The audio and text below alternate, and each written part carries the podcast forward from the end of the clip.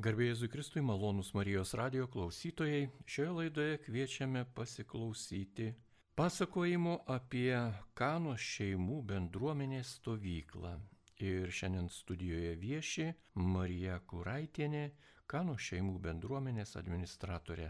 Ja kalbina Liutauras Serapinas ir aš sveikinuosi su gerbiama Marija Kuraitienė. Garbėjai Jėzui Kristui. Garbėjai Jėzui Kristui. Per amžius amen. Taigi, Nuo rūpiučio 8 dienos visai netoli Vilniaus prasideda, prasidėjo, taip reikia sakyti jau šiandien, Kano šeimų bendruomenės stovykla. Papasakokite apie Kano šeimų bendruomenės judėjimą. Koks jis? Kano šeimų bendruomenės judėjimas yra labiau misija. Tai yra naujojo kelio, Šiomeniov bendruomenės, kilusios Prancūzijoje 1973 metais atšaka misija. Jie turi misiją sužadėtiniams, paaugliams, turi savo kino filmų, tokią studiją tinklą net forgot. O Kana yra viena iš tų daugelio tos bendruomenės misijų. E, Šiomeniov bendruomenį įkūrė jėzuitas, tėvas Laurent Fabre kartu su keliomis e, pasišventusiomis šeimomis ir asmenimis. Ir e, vėliau maldoje ir šventosios dvasios įkvėpime jiems kilo va ta idėja kurti misiją, tokią kaip ugdymo programą su toktiniams. Ir e, pirmosios Kana rekolekcijos stovykla, mes ją vadinam stovykla, bet iš tikrųjų tai yra rekolekcijos su toktiniams, įvyko 2002 metais Lietuvoje. Po šių rekolekcijų septynios šeimos globojamos Šiaulių vyskupo ir Šiomeniov bendruomenės pirmą kartą įkūrė Lietuvoje Kano šeimų bendruomenę. Tai nuo to laiko kiekvienais metais, kartais kelios, įvairiose vietose vyksta ta šeimų stovykla, dabar pastaruosius jau keletą metų šitos rekolekcijos stovykla vyksta netoli Vilniaus, Vilniaus jėzuitų gimnazijos stovyklavietėje Guopstuose. Paprastai tai vyksta rūpiučio pirmoje pusėje. Ir sukviečiame poras iš visos Lietuvos. Kviečiame iš lūpų į lūpas, taip pat e, skelbiame tą informaciją savo Facebook'o puslapyje. E, gali klausytojai mūsų rasti, vadinasi Kanos šeimų bendruomenė. Taip pat turime savo internetinį puslapį www.kana.lt. Ten jau spalio mėnesio pirmoje pusėje pasirodo informacija apie kitų metų rekolekciją stovyklą poroms. Tai iš tikrųjų paliekamas didžiulis laikas iki kitos vasaros, susiplanuoti atostogas, sugalvoti, kur palikti vaikučius ir atvykti, skirti laiko tik savo sutoktinių porai. Poroms, kurios neturi galimybių, kur palikti vaikučius, iš tikrųjų gali, kviečiame atvykti su vaikučiais, jais būna pasirūpinta, jie yra suskirstyti į amžiaus grupės ir turi labai įdomių žaidimų ir veiklų. Taigi tėveliai tobulėja, artėja link Dievo ir vienas kito, o tuo metu jų vaikai iš tikrųjų irgi gauna didžiulio dvasinio peno, nes stovyklos metu taip pat turime labai šaunę mūsų bendruomenės narę, kuri vaikučiams veda gero ganytojo katechezę. Pradžia susipažinimo apie tai ir kaip gyvena Kano šeimų bendruomenė jau turime. Už tai žinoma dėkojame Jums ir primenu gerbėmiams radio klausytojams, jog šiandien prie mikrofono Marija Kuraitienė, Kano šeimų bendruomenės administratorė. Ją kalbina Liutauras Serapinas ir mes tęsime kalbą apie Kano šeimų bendruomenę ir apie jų vasaros laikotarpį. Taigi, kodėl būtent per stovyklą yra įtraukiamos naujos šeimos ir kodėl stovyklos tas renginys jums yra toks brangus ir svarbus? Jis yra turbūt pats svarbiausias metų įvykis, nes į šią stovyklą rekolekcijas gali atvykti visos norinčios toktinių poros po įvykusios stovyklos rudenį, paprastai rugsėjo mėnesį, yra viena diena, kada galima nuspręsti įsipareigoti bendruomeniai vieneriems metams. Tai reiškia, kad ta pora su toktiniu gali visus metus keliauti ir gilinti e, toliau savo žinias ir gilinti ryšių su Dievu pagal būtent kanos e, programą. Ja sudaro dvi savaitės, tai yra va ta vasaros stovykla ir po to žiemą būna irgi žiemos savaitė rekolekcijų. Tada turi du maldos ir paskaitų savaitgalius rudenį ir pavasarį, bei kelių valandų maldos ir pasidalinimo susitikimus brolyjose pagal porų gyvenamąją vietą kiekvieną mėnesį.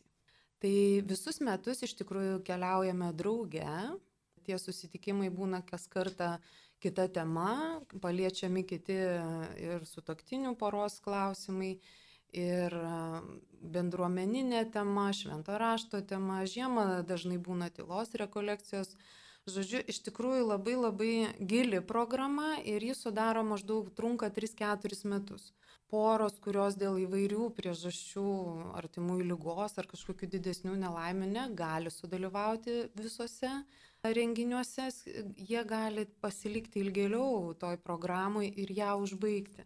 Nes iš tikrųjų programa sudaryta taip cikliškai. Ir praktiškai per 3-4 metus praeina visos tos vat, pagrindinės temos ir jos vėl po 3-4 metų pradeda kartoti. Iš tikrųjų, stoktiniam yra sudaromos labai geros sąlygos gauti šitą didžiulį lobį, turtą, suartėti vienas su kitu, labiau pamilti, nau, mylintiems vienas į kitą naujai pažvelgti ir tuo pačiu artėti prie Dievo. Na, jūs jau paminėjote apie stovyklą ir apie jos programą, o jeigu taip pažiūrėti taip kasdieniškai, ką mhm. šeimos veikia stovyklos metu? Kokia ta programa detaliau? Mhm. Smulkiai programos nepasakosiu, nes Kana turi tokį vieną bruožą, nustebinimo bruožą. Reiškia, leidžiame Dievui su toktinius stebinti kasdien. Bet galiu pasakyti tokius gal bendrus bruožus, kad e, programoje yra laikas asmeniniai maldai, yra laikas maldai poroje su sutoktiniu, taip pat yra laikas ne vien maldos, bet, sakykime, diskusijos, apmąstymo, kažkokių užduotėlių laikas su sutoktiniu.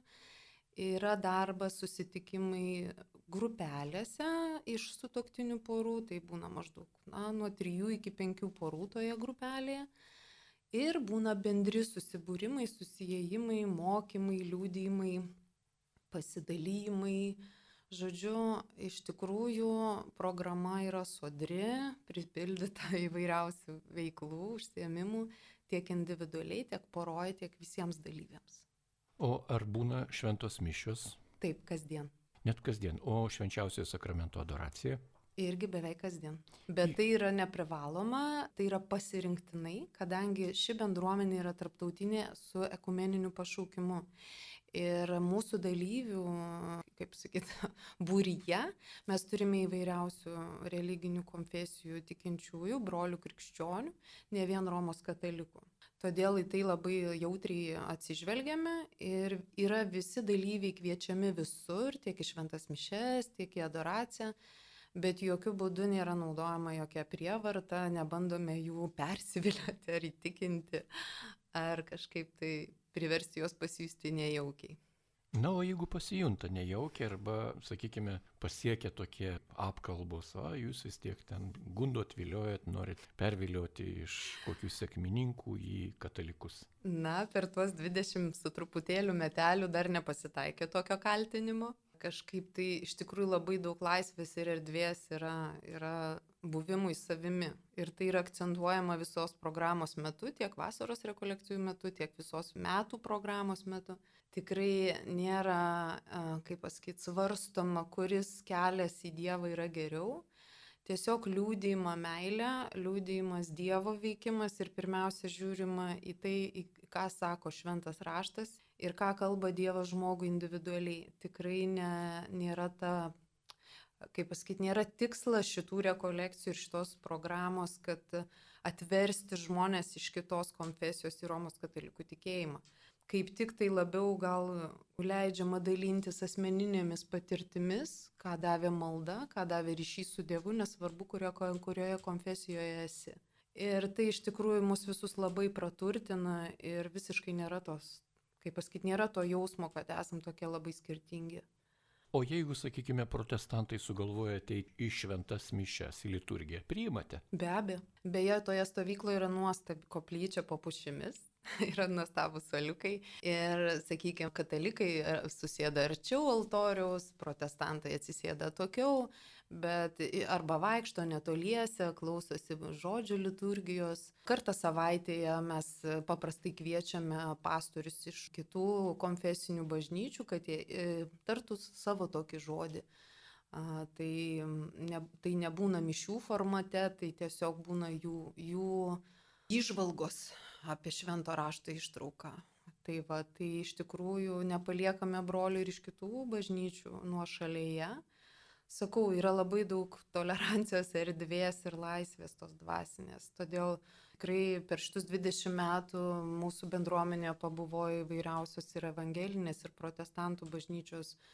Turėjome ir pravoslavų tikėjimo šeimą. Tai tikrai, tikrai visi randa savo vietą.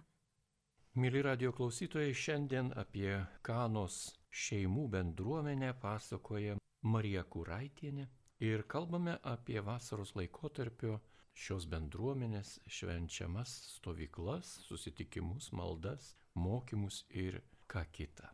Taigi, stovyklos metu, o kaip jaučiasi vaikai? Ką jie daro, ką veikia? Jais kas nors rūpinasi gal ir iš šalies, kokie savanoriai, Tai stovykloje atvyksta tarnauti, naujai atvykusioms poroms atvyksta tarnauti tie įsipareigojusiai kaniečiai. Mes juos vadiname tarnautojais, jiems talkina taip pakviesti savanoriai iš įvairiausių bendruomenių krikščioniškų. Šimet savo puslapyje buvome paskelbę ir skelbimą, kad ieškome savanorių. Tai iš tikrųjų yra daug gražaus krikščioniško jaunimo, kuris mielai atvyksta savanoriauti ir turime jau tokių savanorių veteranų, kurie eilę metų pas mus atvyksta ir paprastai pavasarį jau patys rašo laiškus, tai raujasi, tai ar, ar šį metą mūsų reikės, kada vyks stovykla, jau jie iš anksto planuojasi, susidraugauja tarpusavyje savanoriai susidraugauja kaniečių tarnaujančių vaikai su savanoriais ir jau tikrai ne vienas kaniečių vaikas klausė, mama, tėti, kiek turiu turėti metų, kad galėčiau jau eiti savanoriauti stovyklos metu. Tai iš tikrųjų tas toksai ir tėvų tarnystės pavyzdys, ir to jaunimo gražaus savanoriavimo pavyzdys mūsų pačių vaikams duoda labai gražų teigiamą tokį pavyzdį. Tai e, jūs dar minėjot, klausėt, kai, ką veikia vaikučiai.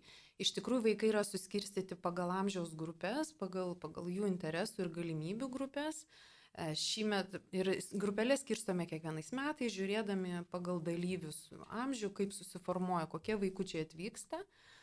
Ir tarnautojų vaikai, kai būna kartu, žaidžia kartu su naujų porų dalyvių vaikais, e, tai šiemet mes turime keturias grupelės nuo 0 iki 4, nuo 5 iki 7, nuo 8 iki 11 ir po to jau nuo 11 iki 13, jau čia mūsų patys didžiausiai.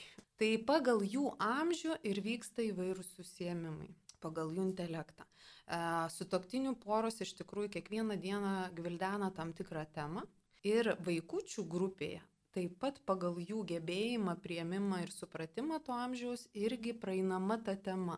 Galbūt su mažyliais tai yra apžaidžiama žaidimu, ar daroma darbeliai, piešiami piešinėliai, kažkokiu gesmeliu mokomės.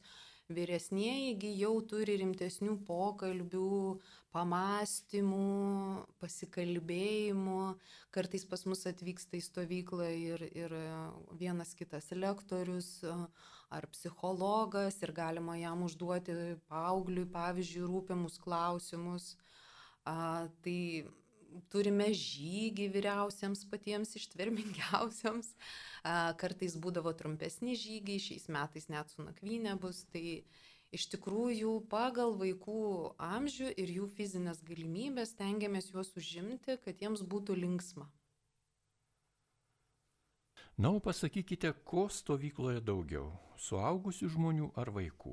Čia priklauso nuo metų, bet dažniausiai tai taip, suaugusių būna daugiau. Šįmet, sakykime, taip, kad nesumeluočiau, bet apie turim 40-45 vaikiukus ir 90 kokius gal 6 suaugusius. Na, apie tiek. Aš galiu čia plius minus keliai žmonėm apsirikti.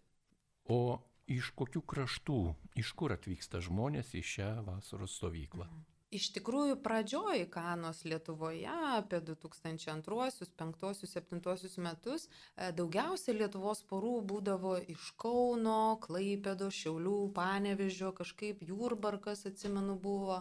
Labiau ta Lietuvos pusė buvo aktyvesnė. Dabar jau turbūt pastaruosius kokį dešimt gal metų, tai bendruomenė labiau, um, kaip sakyti, dalyvauja aktyvesnės poros iš Kauno ir Vilniaus. Labai norėtume, aišku, kad vėl Klaipėda prisijungtų prie mūsų, bet Jau keletą metų turėjom poras iš Marijampolės, labai tikimės, kad kažkada vėl prisijungs Jurbarkas, pajurys mūsų žemaityje. Tai aš sakyčiau, gal taip sviruoja tokiom bangom Tai, bet dabar va, šiuo metu paskutiniai porą trejata metų tai tikrai lab, patys aktyviausi Kaunas ir Vilnius. Turime tik tai vieną porą iš Marijampolės. Taigi jūsų stovykla vis tiek daugiau ar mažiau yra jau iš pažįstamų žmonių. O kiek stovykloje būna visiškai naujokų, sakykime, tų nukritusių iš dangaus? Taip. Tai sakykime, jeigu šiais metais kelionėje bendroje visiems metams buvo įsipareigojusios 38 poros, tai šiai vasarai, va šiai savaitai užsiregistravo 16 naujų porų. Ar visos jos nuo rudens toliau norės jungtis į bendruomenę, nežinome, labai tikimės be abejo, bet čia jau ne mūsų darbas, čia Dievo darbas ir jo kvietimas. Bet aišku, laukiame visų tų šešiolikos. Tai va, tai iš tikrųjų tie 38 mes jau kažkiek pažįstame, nes turėjome metų kelionę drauge. O 16 porų šįmet iš tikrųjų tai, bus, tai yra nauja visiškai pažintis, mes juos matysime pirmą kartą, galbūt kažkas iš jau esančių kaniečių kažkur visuomeniniam gyvenime ir bus susidūrę su, su tomis poromis, bet šiaip tai yra vat, nauji žmonės ir tikimės, kad ta pažintis ir susitikimas vėl atneš labai gražią draugystę. O dabar jūs papasakokite, kaip pasirenkti, kaip pasiruošti tokiai stovyklai šeimai, kuri turi ir mažus vaikelius, ir, ir paauglius, kurie turi specifinių visada poreikių, jo labiau jūsų stovykla yra su nakvynėmis ir su kuo kitu. Va tas techninis, logistinis aspektas, tie visi būtiniai rakandai, miegmaišiai, pagalvės, podeliai, šaukšteliai, kaip visa tai atrodo. Na, iš tikrųjų, tai pati pradžia, tai kaip ir minėjau, mūsų puslapyje kana.lt jau nuo spalio mėnesio yra naujų metų datos ir anketa aktyvi būna aktyvuota, galima siūsti anketą, ją sugeneruoja mūsų puslapis ir atsiunčia elektroniniu paštu, taip mes sužinome, kad jūs norite kitą vasarą dalyvauti. Registracija galima, anketa veikli nuo spalio mėnesio iki pat kitų metų vasaros stovyklos. Taigi beveik metus laiko gali galima registruotis ir atvykti. Žmonės, kurie atsiunčia mums anketas, gauna laiškutį, kada jie gali sulaukti išsamesnės informacijos apie stovyklą, paprastai tai būna gegužės birželio mėnesių sandūra.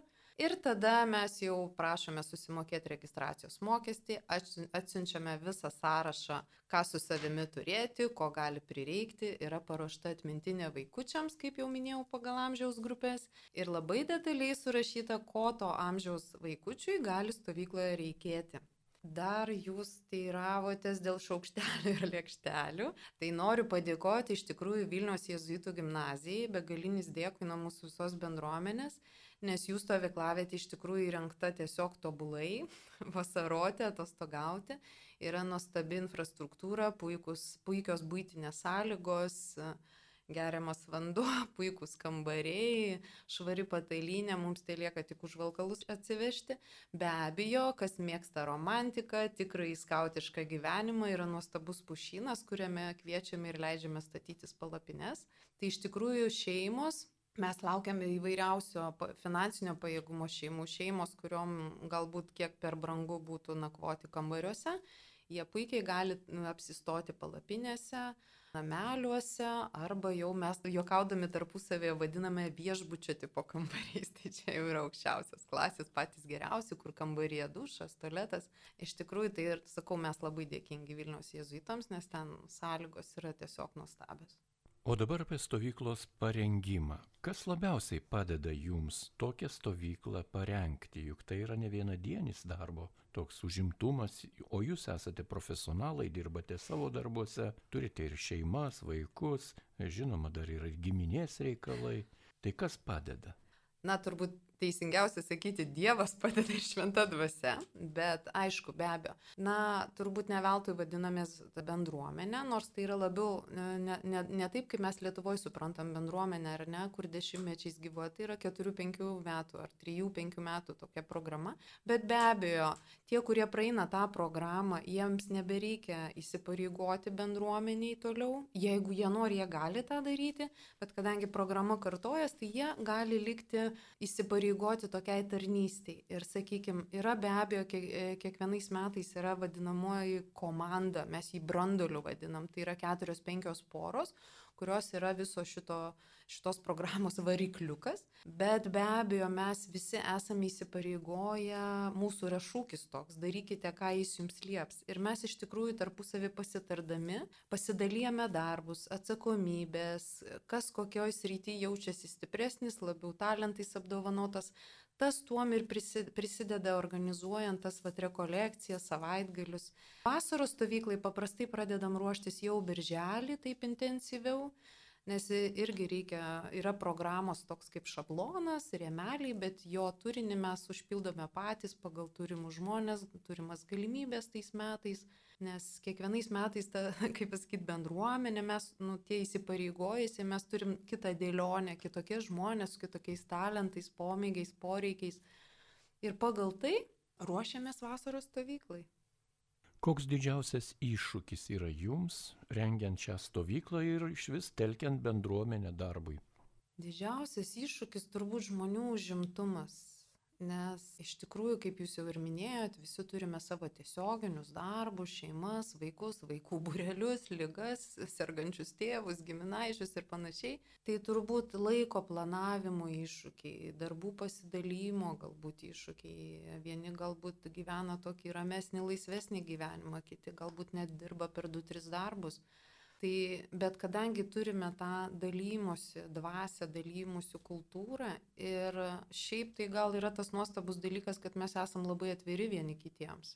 Tas atvirumas iš tikrųjų padeda tokioje paprastoje kasdienybėje, ne tik rengiantis rekolekcijoms, tiesiog vat, paprastose būtinėse situacijose mes galim drąsiai paskambinti, kad ir labai vėlai vakare vieni kitiem parašyti žinutę, žinai, prašau maldos, man ten darbė su, su problemos, arba aš su savo paaugliu vaiku negaliu susišnekėti, ar man trūksta pinigų, gal, gal tu gali šį mėnesį ten man už kažką padėti, paremti, ar drabužiais ar maistu mes dalinamės, iš tikrųjų, kai didesniai išauga drabužėlius, galim pasiūlyti bendruomenės kitom šeimom, mažesniem pagal amžių vaikam.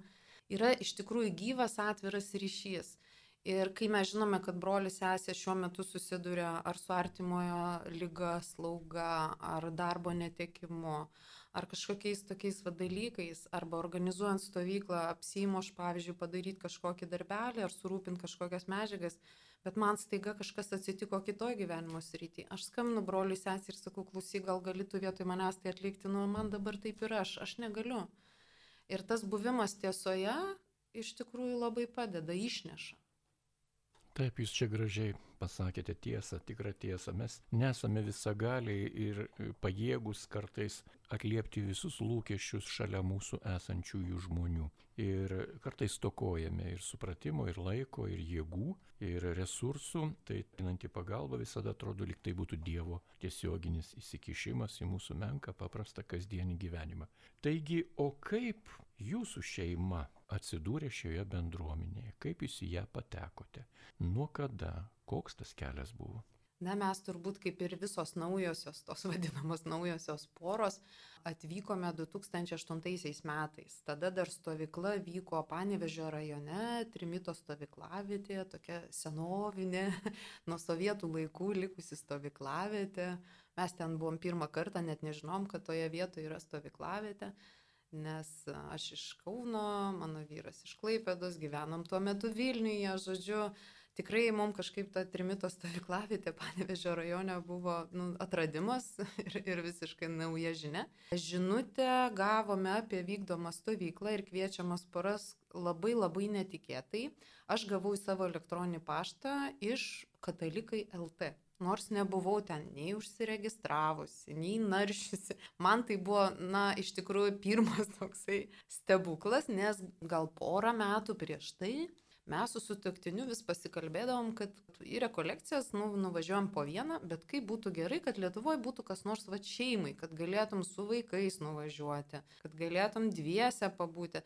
Ir kažkaip, nu, gal ar mes nežinom, kur ieškoti, bet, žodžiu, mes nebuvom apie tai girdėję ir, vat, staiga toks keistas laiškutis iš katalikai LT, reklama, skelbimas, kad vat, trimito stovyklavietė vyks su toktiniams rekolekcijos stovykla. Ir tiesą sakant, nedelsiant užsiregistravom, nes mus patraukė tai, kad tai yra šeimai, porai ir dar galima atvykti su vaikais. Tai čia buvo šimtas procentų lūkesčių ir uh, iš tikrųjų važiavam nežinodami nei ko tikėtis, neturėjom nei tos informacijos, nei kas ta šiomeniov, nei kana. Tiesiog mums užteko tos informacijos, kad tai yra krikščioniška ir kad tai yra šeimo. Viskas. Tai 2008 metais galbūt iš tikrųjų Lietuvoje nebuvo tiek daug tų programų, stovyklų, rekolekcijų šeimom. Tai mes ten labai mažai galvodami užsiregistravom ir nuvažiavom. Ir iš tikrųjų tai nu, nu viršijo bet kokius mūsų lūkesčius. Gal dėl to, kad mes jų apskritai neturėjom, bet, bet tas laikas buvo vienas didelis, kaip dabar jaunimas sako, wow, wow momentas. tai va, ir, ir iš tikrųjų net nebekilo minčių, kad mes nenorėtume tęsti, paskui po daugelio metų jau likome tik tarnauti Ir iš tikrųjų nuo 2008 metų praktiškai kiekvieną vasarą važiuojam tarnauti, jau mūsų ir mergaitės užaugo, ir vyresnioji irgi jau savanoriavo keletą metų iš eilės. Šimet jinai turi ten mokymus, tai nesudalyvaus, bet mažoji jau iš tikrųjų jinai kiekvieną rudenį manęs perklausė, mamytė, mes tikrai kitą vasarą važiuosime į stovyklą ir vis pasitikslina, tai kelių metų ten reikia būti, kad galėčiau savanoriauti. Žodžiu, vaikas iš tikrųjų nuo pat gimimo, jinai, mano jaunėlė iš tikrųjų yra, yra didžiausia kanietė, todėl kad jinai dar savo gyvenime nėra praleidus nei vienos kanos stovyklos. Ar organizuojant stovyklą ir telkiant pajėgas jums padeda bažnyčios žmonės - kunigai, vienuoliai, seserys, broliai ar pastoriai iš kitų konfesijų krikščioniškųjų? Ar tai daro vien tik pasauliečiai tėvai ir mamos? Taip, didįjį viešinimo darbą taip iš tikrųjų daro mūsų patys bendruomenės nariai, iš lūpų į lūpas, draugam, kaimynam, pažįstamiem giminaičiam. Bet e, labai iš tikrųjų noriu padėkoti Lietuvos viskupams. Jau keletą metų jie drąsina Lietuvos e, parapijų kunigus, klebonus, uh, paviešinti mūsų dalyjamas krajutes, plakatus, e, padrasinti, kviesti savo parapijos poras, šeimas į šitas rekolekcijas. Ir pastaraisiais metais iš tikrųjų stebime žymiai padidėjusi norinčių dalyvauti skaičių. Tai iš tikrųjų labai dėkojame, nes pradžioje galbūt buvo tokia, toks baimė, galbūt ir pačių kunigų, ir pačių parapiečių, nes nelabai žinojo, kas čia ta kana, net buvo klausimo, jūs nesekta.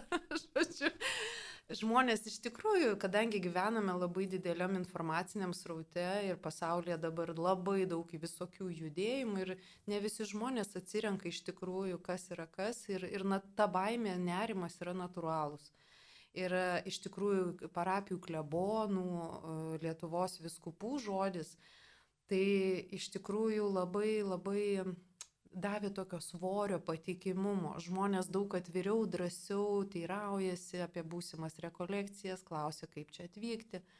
Matosi, kad nebėra tokios didelės baimės.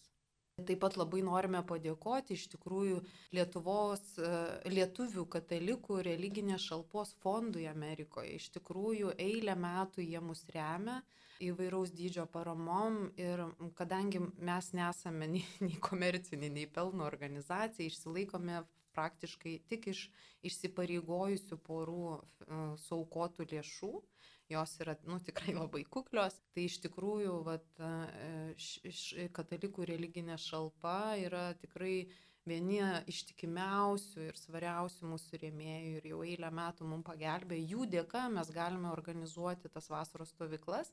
Taip pat turime jau dabar keletą metų bendruomeniai žmonių, kurie moka, sugeba rašyti paramos projektus socialinio darbo ministerijoje, žodžiu, yra projektai, kur galima veikla šeimoms rašyti projektą, jeigu jį laimi, gali gauti paramą. Tai esam, bet sakau, priklauso kokie metai, kokios šeimos ateina su savo talentais, tai vat, patys kaniečiai prisideda Ir va, turime iš tikrųjų ir iš tokių bažnytinių, religinių, krikščioniškų bendruomenių paramą. Be abejo, sudalyvavę kitų konfesijų broliai seseris, jie grįžę savo bažnyčiose papasakoja, paliūdija ir jų pastoriai taipogi toliau viešina tą informaciją.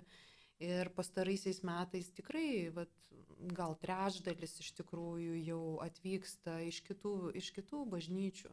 Tai džiugina, nes iš tikrųjų mes randam labai daug dalykų, kurie mus jungia ir kartais visai pasimiršta tie dalykai, kurie galbūt galėtų skirti.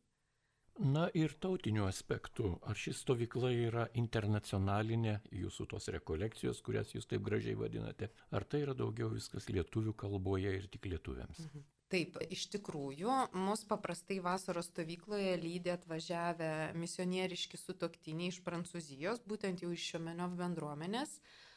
Kartais atvykdavo tos bendruomenės dvasios tėvas Kristof e, Blin, dabar jis šiuo metu jau reziduoja Vokietijoje paskirtas, tai mes jo šimet neturėsime, bet nuotoliniu būdu šią savaitę mus lydės Nikolė ir Peter Novickiai, iš, e, taip pat iš, iš Šiomeniov bendruomenės.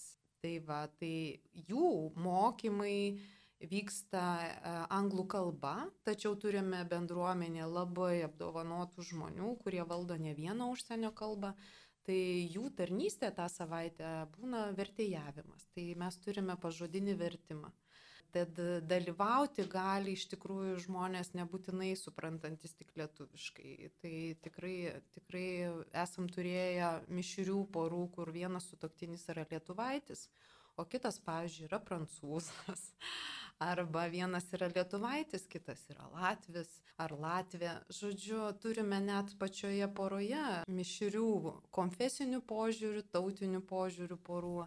Taip pat, pavyzdžiui, turime porą, kuri su mumis keliauja. Abu yra gimę, užaugę Lietuvoje, bet jau daugelį metų kuria savo gyvenimą Anglijoje. Ir atvyksta pas mus į mūsų renginius sudalyvauti, pasitarnauti. Tai iš tikrųjų labai daugia briaunis mūsų yra tas buvimas ir tai tik praturtina. Na, norisi dar tokiu siauru aspektu jūsų šio bei to paklausti. Dažniausiai, kai vyksta kažkokie šeimos reikalai, tai mamos arba močiutės jos yra arti ūkio, arti tų puodų visų, vaikų ir taip toliau, ir jos kalbą randa labai greitai ir visi tie būtiniai dalykai dažniausia, na, nesudaro jokių rūpeščių ir tiesiog laivas plaukia plačiai ir pasroviui. Galima tai pasakyti. Visi vieni kitus pažįsta ir taip toliau. O kaip vyrai? Vyrai, jūsų vyrai, kaip jie įsirošia į tokią stovyklą. Jie turi vasaros metu numatę ten pagauti tą auksinę žuvelę, sužaisti šachmatų partiją su klasiokais, išeiti į žygį ten ir taip toliau ir taip toliau. O čia dabar reikės vėl sėdėti kartu su vaikais ir dar klausytis ten labai protingų kažkokių paskaitų. Kaip jie tai reaguoja? Pirmas dalykas. Jiems tikrai nereikės sėdėti su vaikais. mes kartais juokavom, vaikus mes atimam. Iš tikrųjų, su toktiniai čia atvažiuoja ir daugelis sako, turėjom antrą medaus mėnesį per tą savaitę, e, pasijutome jaunavedžiais. Nes būna iš tikrųjų net tokių momentų, kai turim tėvam priminti, kad jie ateitų ir pasiimtų iš vaikų tarnybėlės savo vaikus. Jiems būna taip gerai, kad jie pamiršta, kad ten jų vaikai. Tai noriu pirmą pradžiuginti vyrus, Vyrai, nebijokite, vaikus matysite tik tai, kai valgysite arba eisite į ežerą nusimaudyti. Žuklė irgi nebūtinai turi būti išbraukta. Ryte prieš pusryčius arba jau vakare pasibaigus programai, e, iš tikrųjų Gopstė yra puikus tvenkinukas ir ežerėlis, galite tikrai mėginti laimę ir įsimesti vieną kitą meškerį. E, sutinku, galbūt tai jums e, kainuos vieną, dvi miego valandas, bet kodėl malonumo ne, neatsisakysi. Taip pat sakyčiau, taip, jūs gal minėjote tą tokį moterišką solidarumą ir kad jos laisviau jaučiasi tokiuose dalykuose, bet iš tikrųjų, kas, kas yra nuostabu, per, kas krito į akis per daugelį metų, mūsų toj stovykloje ir paskui kelioniai, metų kelioniai, kas įsipareigoja, vyrai susiranda naujų vyrų draugų ir sako, kaip šaunu, kad pasirodo tam tokiam religiniam gyvenime ne vien moteris dalyvauja kad ir vyrai čia turi savo vietą ir labai didelį svorį ir mums jų labai reikia, nes yra daug ir tokios techninės, ūkinės, ekonominės pusės, kur, kur tikrai to vyriško racionalumo labai reikia.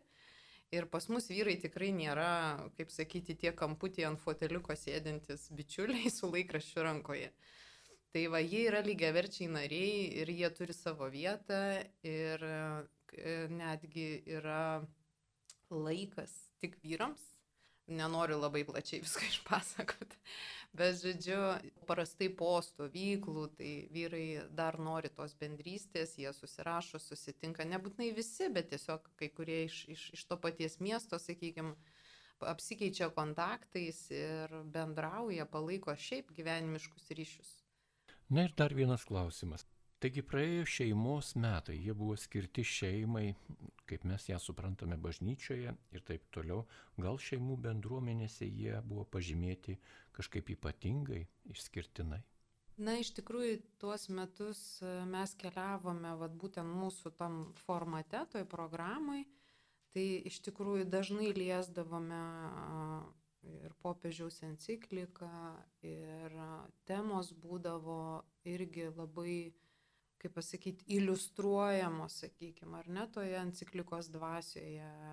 Turime dar metų bėgę tokią vadinamąją regionų dieną, kada susirenkame visi, visi, visi įsipareigojusiai iš įvairių miestų, bet ir kviečiame tie, kurie kada nors yra dalyvavę ar toj vasaros stovykloje, ar yra buvę kada nors įsipareigoję kanai tokį turime draugiškumo, bičiuliškumo laiką ir be abejo jisai irgi buvo tais metais pašvestas tai temai, tai atmosferai, tiem pamastymam ir iš tikrųjų tai turbūt kanos misija apskritai pati iš savęs yra fokusuota, jos tikslas ir yra, kad padėti su toktiniam atnaujinti tuos tarpusavio santykius, sustiprinti visą šeimos tuos saitus Ir kad iš tikrųjų pajusti, kad ir santoka, ir šeima tai ne vien rūpeščiai, problemos ir, ir kažkokie nesklandumai, kad virš visko yra Dievas ir jis yra džiaugsmas ir meilė.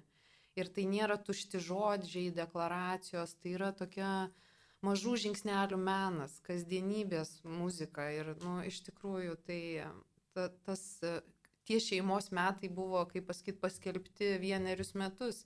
Bet Kanoje tai tęsiasi jau daugybę metų Lietuvoje tos programos rėmose. Na taip, bekalbėdami apie jūsų vasaros rekolekcijas ir stovyklą ir susipažinome su Kano šeimų bendruomenė ir pabaigai norisi užduoti tokį klausimą. Jeigu atsirado dabar, besiklausant laidos, žmonių, kurie norėtų daugiau sužinoti apie jūsų bendruomenę, apie šią stovyklą, kur kreiptis? Jeigu tiesiog apskritai daugiau apie bendruomenę, tai kaip ir minėjau, galime, galima rasti mūsų Facebook puslapyje Kano šeimų bendruomenė. Taip pat e, naujausia informacija yra ir, ir šiaip visa informacija apie mus yra paskelbta mūsų puslapyje www.kana.lt. O tiems, kurie po šios laidos susidomėjo ir galvoja, kad tikrai norėtų pabandyti jau kitą vasarą sudalyvauti mūsų toje stovykloje, rekolekcijose ir galbūt nuo rudens pabandyti metus pakeliauti ir skirti laiką savo, Dievui ir sutoktiniui ir prisiminti, kad buvote įsimylėję ir kad esate vienas kitiem patys brangiausi, Tai siūlyčiau jau spalio mėnesį patikrinti mūsų puslapyje, bus paskelbtos kitų metų datos ir bus galima, kaip minėjau, pildyti anketą, siūsti, mes gausime jūsų kontaktą ir jau po to gausite pačius linksmiausius, įdomiausius ir pilnus informacijos laiškus, ką dėti į kuprinę, kur kada atvykti, koks bus oras tą savaitę. Na, čia aš juokauju, oro niekas nežino, bet mes jau net ir tai nurodome likus keliom dienom prieš stovyklą, kad žinotume, ką įsidėti į kuprinaitę ir labai labai laukiam. Dar noriu pasakyti, kad iš tikrųjų visus metus uh, įsipareigojusi meldžiasi už kitų metų atvykstančias poras.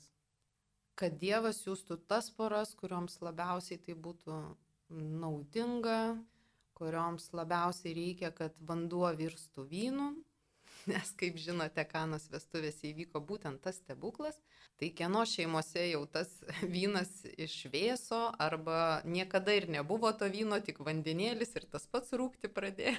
Tai labai kviečiame iš tikrųjų sekti naujieną žinias ir jau kitą vasarą prisijungti prie mūsų, bent jau tai vasaros savaitai. O po to jau jūs klausysite širdies ir Dievo balsą ir nuspręsite, norite jūs toliau keliauti gilyn ar ne. Palinkėsime jums sėkmės šioje stovykloje, rekolekcijose, o taip pat ir padėkosime už bendruomenės pristatymą. Mėly radio klausytojai, jums šiandien apie Kano šeimų bendruomenę bei šios bendruomenės rengiamas vasaros stovyklas, rekolekcijas pasakoju Kano šeimų bendruomenės administratorė Marija Kuraitinė. Ačiū uždėmesi. Ja kalbino Liutauras Serapinas, kviesdamas ir toliau jūs likti prie radio imtuvų.